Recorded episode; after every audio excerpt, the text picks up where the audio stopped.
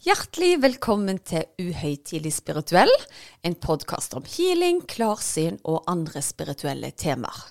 Noen ganger har vi gjester, og noen ganger er det bare meg sammen med min ektefelle Erik.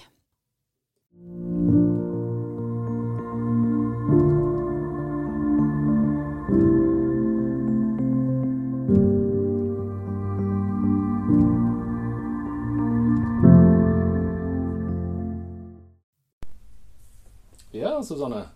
Forrige gang så avslutta vi med drømmer, så det gleder jeg meg til å prate om i dag. Ja, det er jo veldig mange som husker mye av drømmene sine. Og så er det veldig mange som husker ingenting av drømmene sine. Og Ja. det tror jeg er litt, eh, litt individuelt, altså. Ja, så merker jeg òg at eh, det er litt sånn morsomt når noen eller du skal fortelle om drømmene sine. Så det er ikke så veldig spennende for andre å høre på, for det er på en måte i en eller annen kontekst som du har opplevd gjennom, gjennom natten, og så kommer liksom poenget. Sier du at mine drømmer ikke er spennende nå? Det Nå, kan bli litt feil, kanskje. Ja, ja, det var kanskje en liten feil eh, formulering der. Men, men eh, ja. Eh, vi avslutta sist gang med at det var ei dame som fortalte en historie om at hun var gravid, og at hennes oldeforeldre hadde kommet igjennom til henne en drøm i håp om at hun skulle oppkalle barna etter dem. Og hun visste jo ikke hva sine eh, oldeforeldre het engang, og eh, begynte å undersøke med familiemedlemmer. Og da var det deres navn som de ønska å gi videre. Ja. Og da er jo jeg overbevist om at hun har fått besøk av sine oldeforeldre. Det er for mye tilfeldigheter om at det skal plutselig viser seg en drøm, da. Ja, spesielt når navnene viser seg å stemme. Ja, sant. Det, det går jo nesten ikke, ikke an. Nei. Men det som jeg syns er litt gøy når vi snakker om søvn og drømmer Altså Vi sover jo, hvis du tenker at døgnet har 24 timer, så sover vi jo en tredjedel av døgnet, de fleste av oss. Så en tredjedel av livet er du faktisk i en søvnfase. Eh, og sånn som uh, når jeg har gjort litt research til episoden her, så har jeg jo fått inntrykk av da at eh, det første som skjer når du sover, er at du kommer inn i det som kalles REM-søvn, altså Rapid Eye Movement.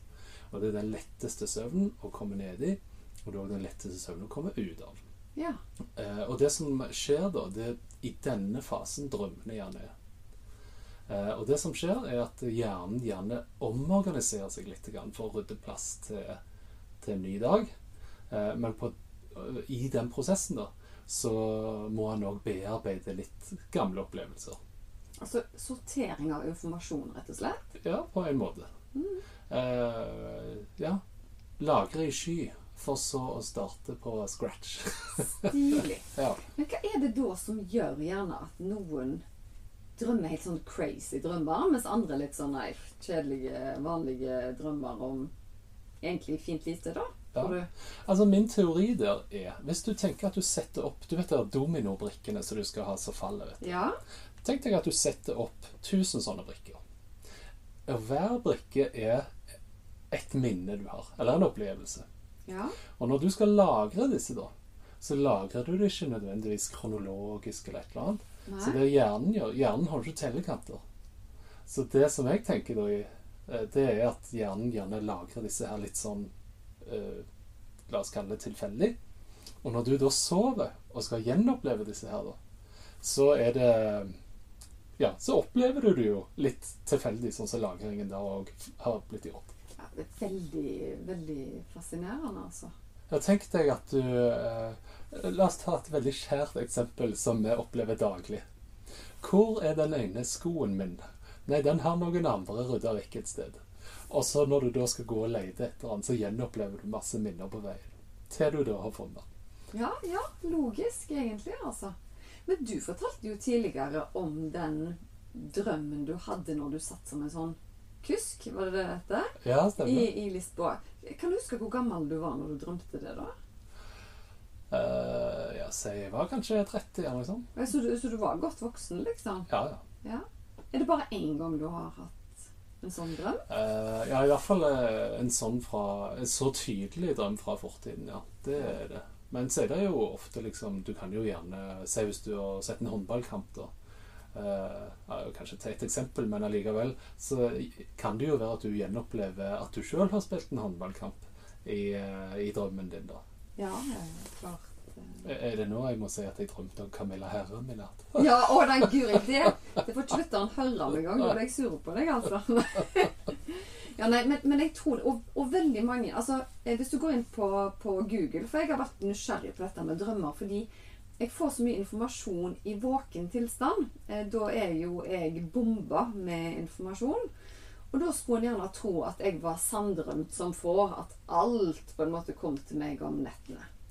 Men jeg drømmer altså jeg drømmer som alle andre, men jeg husker veldig lite drømmene mine da. Med mindre det er noe veldig spesielt. Og det jeg personlig tror og opplever, er det at det, hvis det er noe veldig viktig i den drømmen din, så husker du den på morgenen. Ja. At hvis det er noe informasjon til deg som er viktig å ta med videre, da husker du det rett og slett. Eh, det betyr ikke det at den drømmen er sann, men han kan ha fragmenter fra virkeligheten som gjør at du skal løse et problem, f.eks. ja, riktig. Eh, og så tror jeg at det er noen drømmer som setter seg litt mer i minnet fordi det kan være veldig skummel opplevelse, f.eks. Eh, men òg veldig sterke bilder. Og jeg husker sjøl som liten så hadde jeg en drøm som jeg syntes var veldig ekkel, og som gikk igjen og igjen.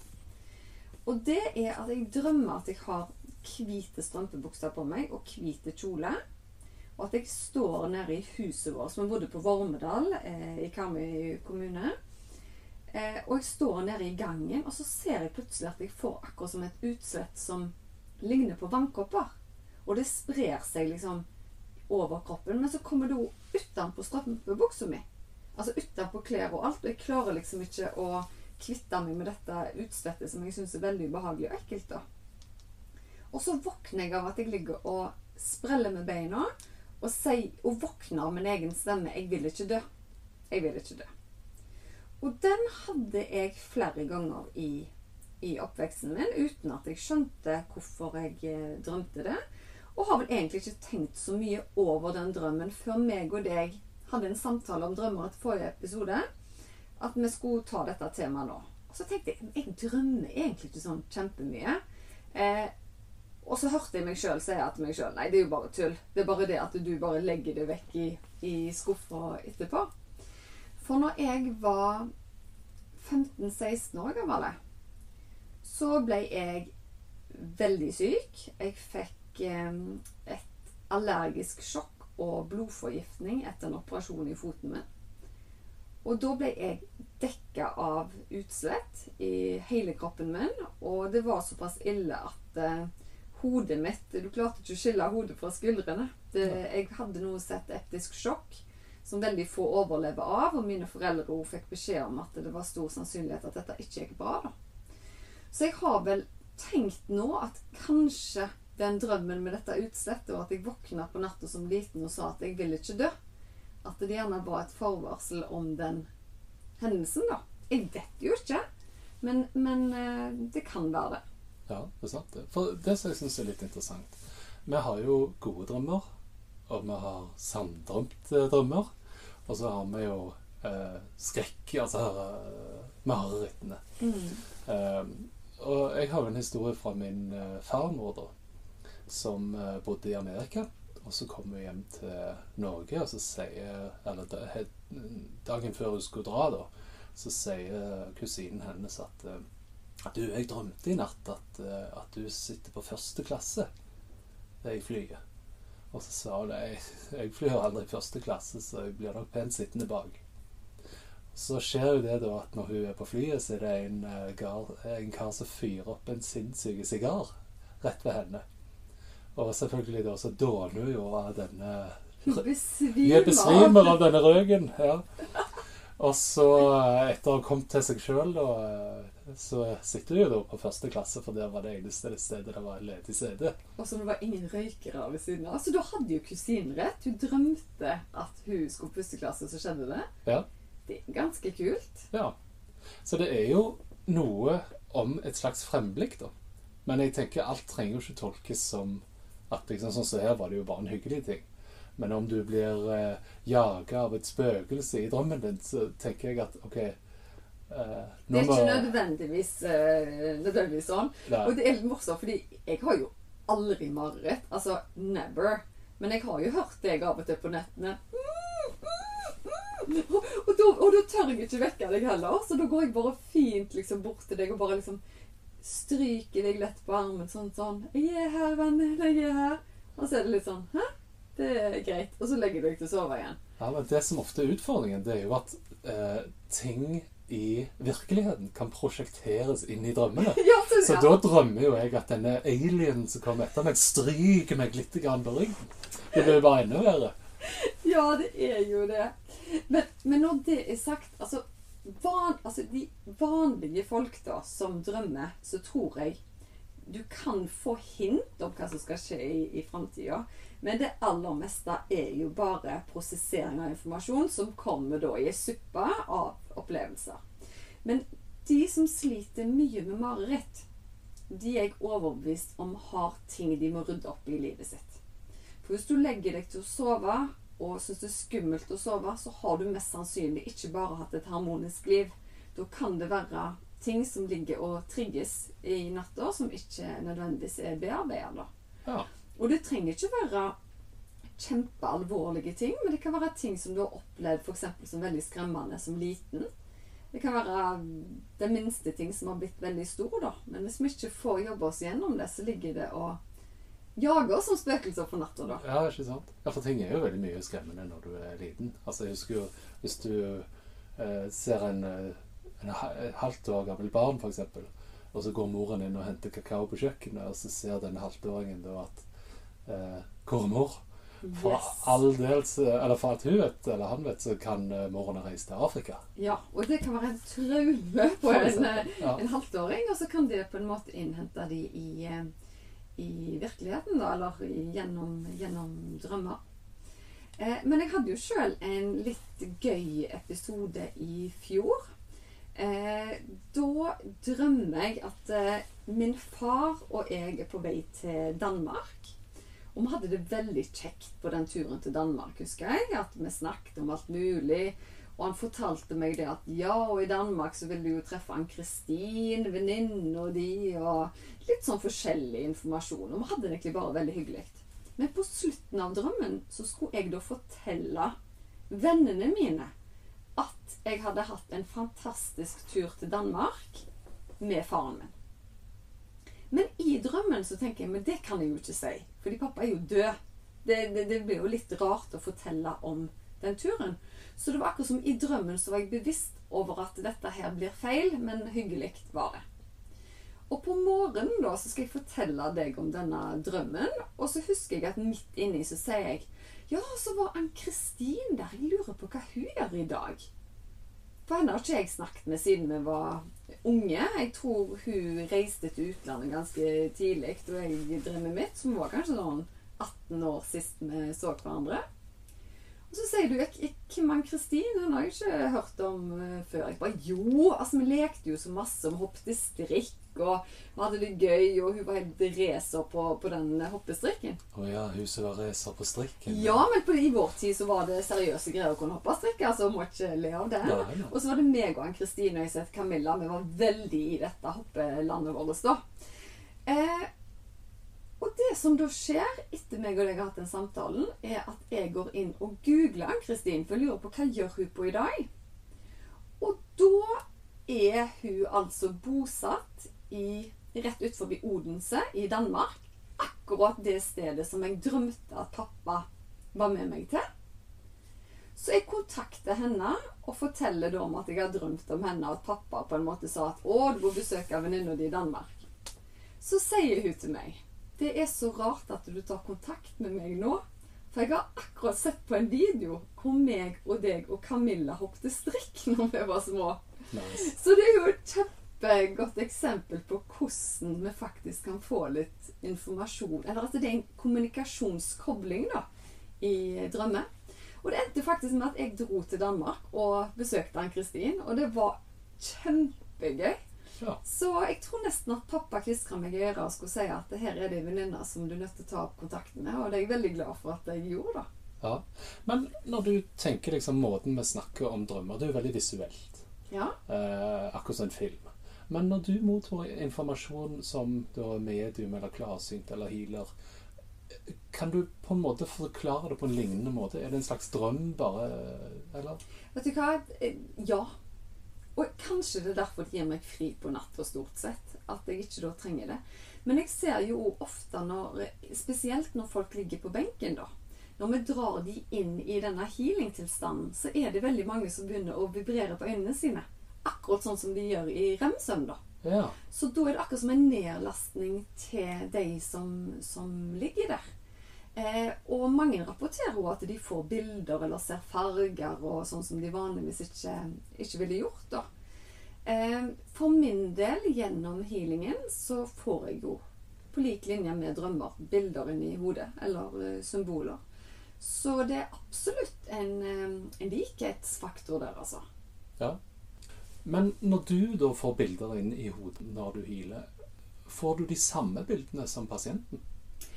Eh, nei, det gjør jeg sjeldent. Eh, jeg kan veldig ofte få akkurat en liten filmsnutt i hodet mitt, men det er liksom ikke med samtaler og sånt. Da er det egentlig mer som et eh, litt sånn virtuelt bilde, da. At du kan se folk i bevegelse. Si at eh, det er ei dame som ligger på benken, og så ser jeg plutselig fire stykk i hvite klær nede på ei strand. Og så kan jeg si etter healing at Oi, jeg så akkurat så fire stykker nede på ei, ei strand mens du lå der. Og meg sier jo det ingenting. Og så sier hun på søndag så tok vi familiebilde, og alle hadde kledd, kledd seg i hvitt. Ja. Og da er det ikke nødvendigvis som en drøm, men det er akkurat som et lynkjapt bilde som bare blir plassert i, i hodet mitt. Og jeg er jo blitt så dreven i game at jeg bare stoler på det og slenger det ut. Eh, og det, det er ikke alltid at eh, vedkommende som får healing, eh, forstår det jeg ser med en gang. Men veldig ofte etter hvert, når du har prosessert litt, så kommer de som regel tilbake og sier Du, den skilpadda eller den postkassen du nevnte, eller Så er det som regel en viktig ting, da. Det er noe spesielt. Så hvis jeg sier det at 'Å, skal dere servere kalkun i helga?' Og så sier de 'Nei, det skal vi ikke'. Så kan jeg si 'Å, det var veldig rart, jeg ser akkurat som kalkun', eller 'Nei, vi liker ikke kalkun'. Jeg ser en kalkun. Ja, jeg ser en kalkun, en som Ja. ligger der. Nei, men, men, men da er det ikke få ganger at folk kommer tilbake til meg neste time og sier Du, forresten, så ble vi jo selvfølgelig invitert på kalkunmiddag til naboen, eller Men det er jo ikke noe sånn kjempeviktig. Jeg tror bare det er en form for kommunikasjon, da. At eh, jeg er pålogga de folkene jeg har til stede. Ja, for jeg syns jo det er litt spennende der. Det er jo akkurat som et språk vi ikke har klart å definere helt ennå. Mm, Det er kanalisering. Og i hvert fall det jeg syns er spennende, er jo når det er framtid. Sant? De har ennå ikke, ikke fått denne eh, kalkuninvitasjonen, om du vil. Og jeg hadde ei dame en gang innom, og det var veldig gøy. For jeg sier til henne det at eh, skal du feire bursdagen din i helga? Hun bare Nei. Jeg bare Å nei! Er det noen andre i- familien din som har bursdag? For jeg syns det er litt flaut hvis de sier Nei, det har vi ikke. Bare Nei, det er ingen feiring i helga. Og så sier jeg Neimen, jeg ser jo det er feiring, og det er kake, og det er lys, og jeg ser nærmest at de hiver sånn konfetti rundt deg. Er, er det en fest? Er det firmafest? Jeg bare drar den lenger og lenger. Hun vet bare Nei, Susanne, jeg skal ligge hjemme på sofaen. Jeg skal ikke gjøre noen ting. Det er ingen i familien som har bursdag. De er både vekkreist Altså, hun parkerte meg totalt. Så kom hun tilbake etter ei uke eller to, jeg husker ikke. Så kikker hun på meg, så sier hun For å si det sånn, Susanne, det ble feiring. Jeg bare Å, hva mener du? Nei, du nevnte jo det at det skulle være en svær feiring, og jeg sa nei, nei, nei. Så Jeg sier, hva skjedde? Jeg vant en million jeg, i nabolotteriet. Herlig. Det er kult. Ja, da blir det feiring. Men jeg så jo ikke at du vant en million. Men jeg så at det ble feiring, og at faren hans eh, feirende, og faren hans var død. Ah, ja. Så, så da drar vi jo inn i de fragmentene om eh, at de på den andre sida kan eh, kommunisere noe, da. Men, men jeg tror absolutt at eh, noen får mer informasjon i drømmer enn andre. Og kanskje jeg gjorde mer av det når jeg var liten, før jeg fikk mulighet til å innhente mye mer informasjon på, på dagtid, da. Ja. At de bruker mer nettene mine for at jeg skal få hvile. Det er ikke sant? Ja. Nei, men jeg syns jo det er ganske interessant. Og det er jo noen som driver og tyder andre sine drømmer. Ja, det er, det er egne, egne fag, holdt Ja. jeg på å si. ja. Ja, og det har jeg òg sett litt sånn eh, research om da, at eh, om du flyr, så betyr det det, eller hvis du føler du synker, så betyr det noe annet. Men, eh, men det er jo veldig mange ulike tolkninger. Altså, så, så jeg opplever ikke at jeg finner et mønster at det er akkurat det det betyr. Men jeg, jeg, tror egentlig folk må se det ut ifra sitt ståsted og sitt bilde, altså. Men vet du hva, når vi snakker nå, så kommer det faktisk bilder til meg i hodet nå om en drøm som jeg er nødt til å fortelle om. Fordi jeg har sagt jeg har veldig sjelden mareritt, eller egentlig aldri. Men det er en drøm som er litt spesiell, som, som har dukka opp noen ganger. Det er noen år siden nå. Men den er litt spesiell fordi jeg er på en måte i en verden som er under vann. Altså, Vi har hodet vårt under vann, men det er mørkt, og så er jeg akkurat som i ei grotte. Akkurat som vi bor nede i vannet. Så går vi liksom rundt, rundt det, og vi er vanlige folk. Men alt er liksom sånn halvmørkt, og så er det iskaldt. Det er ikke en hyggelig plass å, å, å være. Men så er det liksom helt naturlig å være der òg. Og der må jeg si at når jeg har våkna, så har jeg tenkt Eksisterer dette stedet egentlig? Har jeg vært der? Eller er det bare en drøm av tull og fjas? Det, det, det vet jeg faktisk ikke. Men som, sånn, eh, som healer altså, og innenfor ditt fagfelt, hva anbefaler du folk å gjøre når det kommer til drømmer? Vet du hva, For det første så syns jeg det er veldig viktig at eh, du blir bevisst til drømmene dine. At du gjerne på kvelden forbereder penn og papir, hvis du ikke har det, at du tar mobilen. Og at du skriver det du har drømt nøyaktig med en gang du våkner, eller om du skal tisse eh, på natta eller noe sånt, for det er da du, da du husker det. Eh, og gjerne hvis det er en gjentagende drøm, at du prøver å utfordre drømmen din på forhånd. Se at du da alltid kommer til ei dør, og akkurat idet du skal åpne, så våkner du, f.eks. Prøv da å si til deg sjøl i dag skal jeg over den terskelen. Og det kan godt være du ikke får det til den første eller den andre gangen, men etter hvert plutselig så, så er det der. Og så tror jeg òg at hvis du forteller til deg sjøl at drømmen skal være en fin opplevelse Når jeg har jobba meg gjennom alt jeg syns er vanskelig i drømmen, så er det bedre på andre sida. For da begynner du å manipulere hodet ditt til å tenke i den positive retningen. da. At dette her blir bra til slutt. Og at vi ikke trør oss i det samme gamle mønsteret hele tida. Og så er det noe med det at hvis vi begynner å bli redde for å sove fordi vi har mye mareritt, så er det sånn faktisk motsatt. Altså Jo mindre du sover, jo større er sannsynligheten for mareritt. Så det er egentlig viktig at du tillater deg å sove, og heller forteller deg sjøl jeg er trygg og ivaretatt. Det er bare hjernen min som prøver å rydde opp, da. Og altså prøver å påvirke det litt sjøl. For hvis du alltid drømmer at noen jager deg og er ute etter deg, så har du nok fragmenter av det i det daglige livet òg, hvor du føler gjerne at sjefen din er ute etter jobben din Nei, kanskje motsatt. At det, I hvert fall da at, at det er mennesker rundt deg som ikke vil deg vel, da. Ja. Nei, det er sant, det. Og så gjorde jo meg og deg et lite gøy eh, eksperiment i går kveld. For da sa jeg til deg at jeg drømmer jo aldri. Eller jo, jeg drømmer jo, men jeg husker det ikke.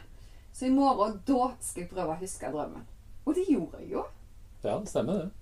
Og det var, det var ikke akkurat noe sånn revolusjonerende i, i den drømmen. Men det var blant annet at vi så en, en serie hvor jeg syns ene skuespilleren ligna på ei som jeg var venninne med i barndommen. Og da snek akkurat som hun venninna seg inn i drømmen, og så sto jeg i en sånn kø hvor jeg da sier Hei, Ingrid! Og så sier hun hm, hvem er du? Det er jo meg, Susanne. Hun ante ikke hvem jeg var. Og så tror jeg vi, diskuterte nok eh, annet greier. Jeg vet ikke om det var eh, penger eller økonomi, eller at vi hadde et eller annet. Kan, det var sikkert pga. regjeringsskiftet eller noe sånt. Og så ser jeg at jeg har masse sånne visakort i, i hånda mi, mens jeg er så fortvila, for det er ikke mine visakort.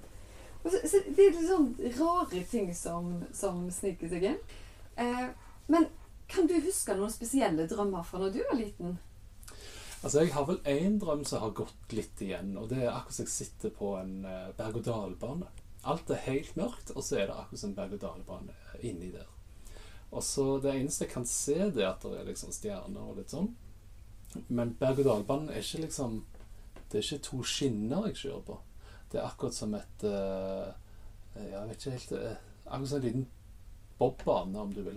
Som går litt opp og I ned. lufta, I liksom? luften, ja. Henger i, i løse luften. Og beveger seg litt, grann, både opp og ned. Altså Akkurat som et eh, flagg i vinden, om du vil. Men den drømmen der, kan vi ikke ta den i en parallell til det som skjedde når du fikk hjertestans? Jo, det er jo ganske mye likheter. Altså, da så jeg jo de samme stjernene, for å si det sånn. Eh, Men ikke nødvendigvis eh, berg-og-dal-banen. Men jeg opplevde jo å ligge akkurat som en hengekøye. Men dette er jo litt interessant, fordi jeg fikk jo ikke akkurat utslett opp på strømpebuksa mi som, som 16-åring er heller. Men jeg òg hadde jo da en liten ja, forvarsel, om du vil, da. Og at jeg var redd for at dette utslettet skulle gjøre at jeg døde. Og så får jeg dette allergisjokket og dette utslettet over hele kroppen. Og så banker jeg på perleporten, men jeg kommer meg gjennom det. Og det samme skjer litt på deg, da. Men, men du fikk jo ingen forvarsel om det skulle skje noe gale. Bare egentlig at den berg-og-dal-banen var en fin opplevelse, da. Ja, det er sant. Og jeg opplever jo egentlig det som Altså, det var jo ikke skremmende å ligge der i virkeligheten heller. Nei, det er sant. Så kanskje det er noe med at her har jeg vært før. Ja, Eh, og så går du rolig av berg-og-dal-banen og går hjem igjen. ja sant. Nei, jeg, jeg syns det er ganske interessant, altså. Men, men der du er litt festlig, for det, jeg opplever jo at du drømmer litt mer enn meg, eller i hvert fall husker mer. Og så er det noen morgener du er litt sånn sur på meg når jeg kommer ned. Litt snurt. For hva er det da du har drømt? Nei, vet ikke jeg. Om det er noen eh, andre mannfolk som skraper døren i løpet av natten, eller hva Ja, er. ja. Men det sier du at det er så sterkt for deg hvis du drømmer at jeg er med noen andre. Jeg, jeg syns jo det er kjempefestlig, for jeg kan jo ikke få kjeft ifra at jeg har vært utro i, i drømmene. Men, men da, da merker jeg på hele deg at du, du er litt sånn snutt. Ja, jeg er sur. Kjempesure. Jeg tror faktisk vi, vi nevnte litt om det i den episoden som hadde om tvillingsjeler å gjøre. Men det er jo så rart, fordi meg og deg vil jeg jo si er over gjennomsnittet veldig flinke å ta vare på hverandre. Vi er flinke med kommunikasjon, og vi er flinke å fortelle hverandre hvor mye vi betyr. Og allikevel så kan sånn snike seg inn i, i drømmer. Hva, hva tror du er grunnen til det? Jeg vet ikke helt grunnen til det, men jeg tenker kanskje at det er litt sunt å kjenne litt på sånn hverdagssjalusi òg. Ja, vet du hva? Jeg er helt enig. Så, så jeg kjenner Det er jo derfor jeg blir så lykkelig når du blir sur for at jeg drømmer. For det kommer ikke til å skje i reality, så det er veldig, veldig greit å få oppleve det i, i drømmen, da. Men det er jo noen som sier det at uh, det vi drømmer er gjerne no, det vi frykter mest, da. Ja. At du gjerne har en sånn bitte liten fragment i sjelen din som sier at du er redd for at jeg skal forlate deg, da. Ja, men det tenker jeg jo er, er sånn uh, naturlig i et parforhold òg. Altså, du stoler jo på den andre parten, ikke sant? Og selvfølgelig en sånn aksjon som det ville jo uh, sprokke tillitsboblen, for å si det sånn. Helt klart, og jeg har jo drømt det samme om deg òg. Jeg syns jo det er grusomt. Det er jo bare å kaste seg i armene dine på morgenen. Og du hva? Og, men det er jo så utrolig deilig følelse, da. Å våkne og bare «Åh, Det var bare en drøm! Ja, Ja, det, det, det er jo faktisk det. ja det er jo det. Ja, så du bare sånn letta, liksom. Så Ja, det blir bedre at du er letta enn at det er sånn Åh, oh, ja, da var han igjen. Nei, jeg har skutt gullfugl, så jeg er veldig, veldig fornøyd med, med det, altså. Men så vet jeg ikke om at det går litt i arv òg, dette med, med drømming.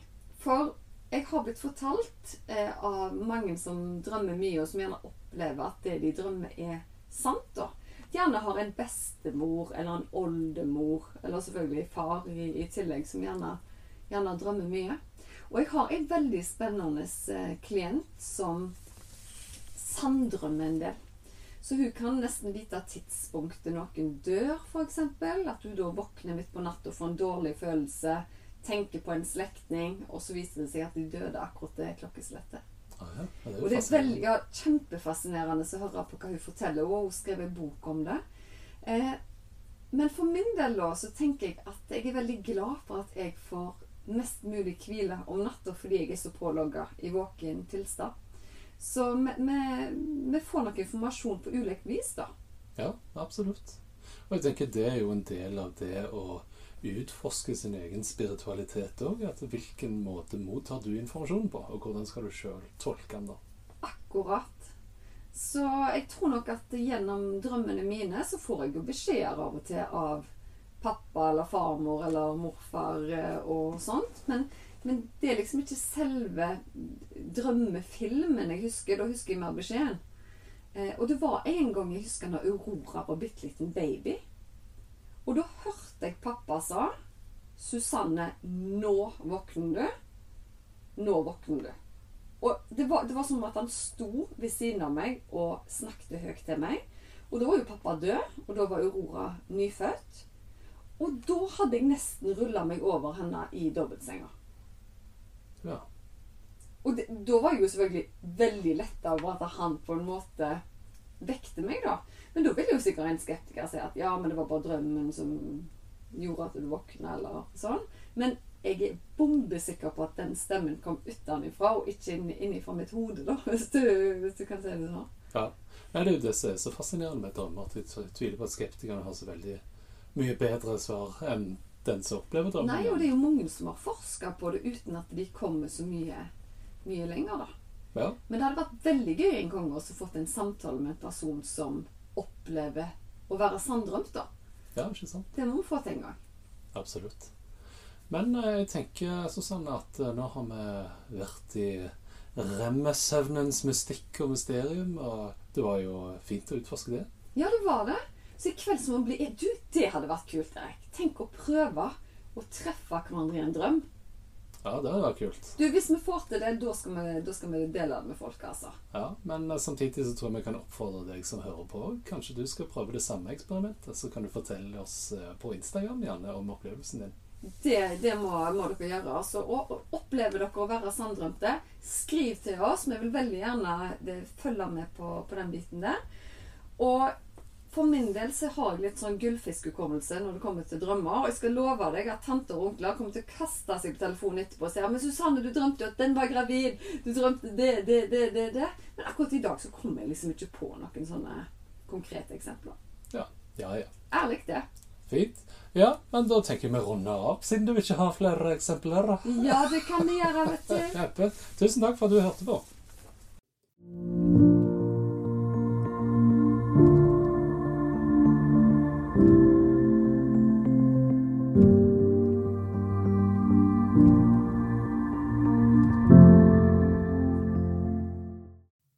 Visste du at du kunne ta kontakt med meg hvis du ønsker å få satt opp en personlig healingplan?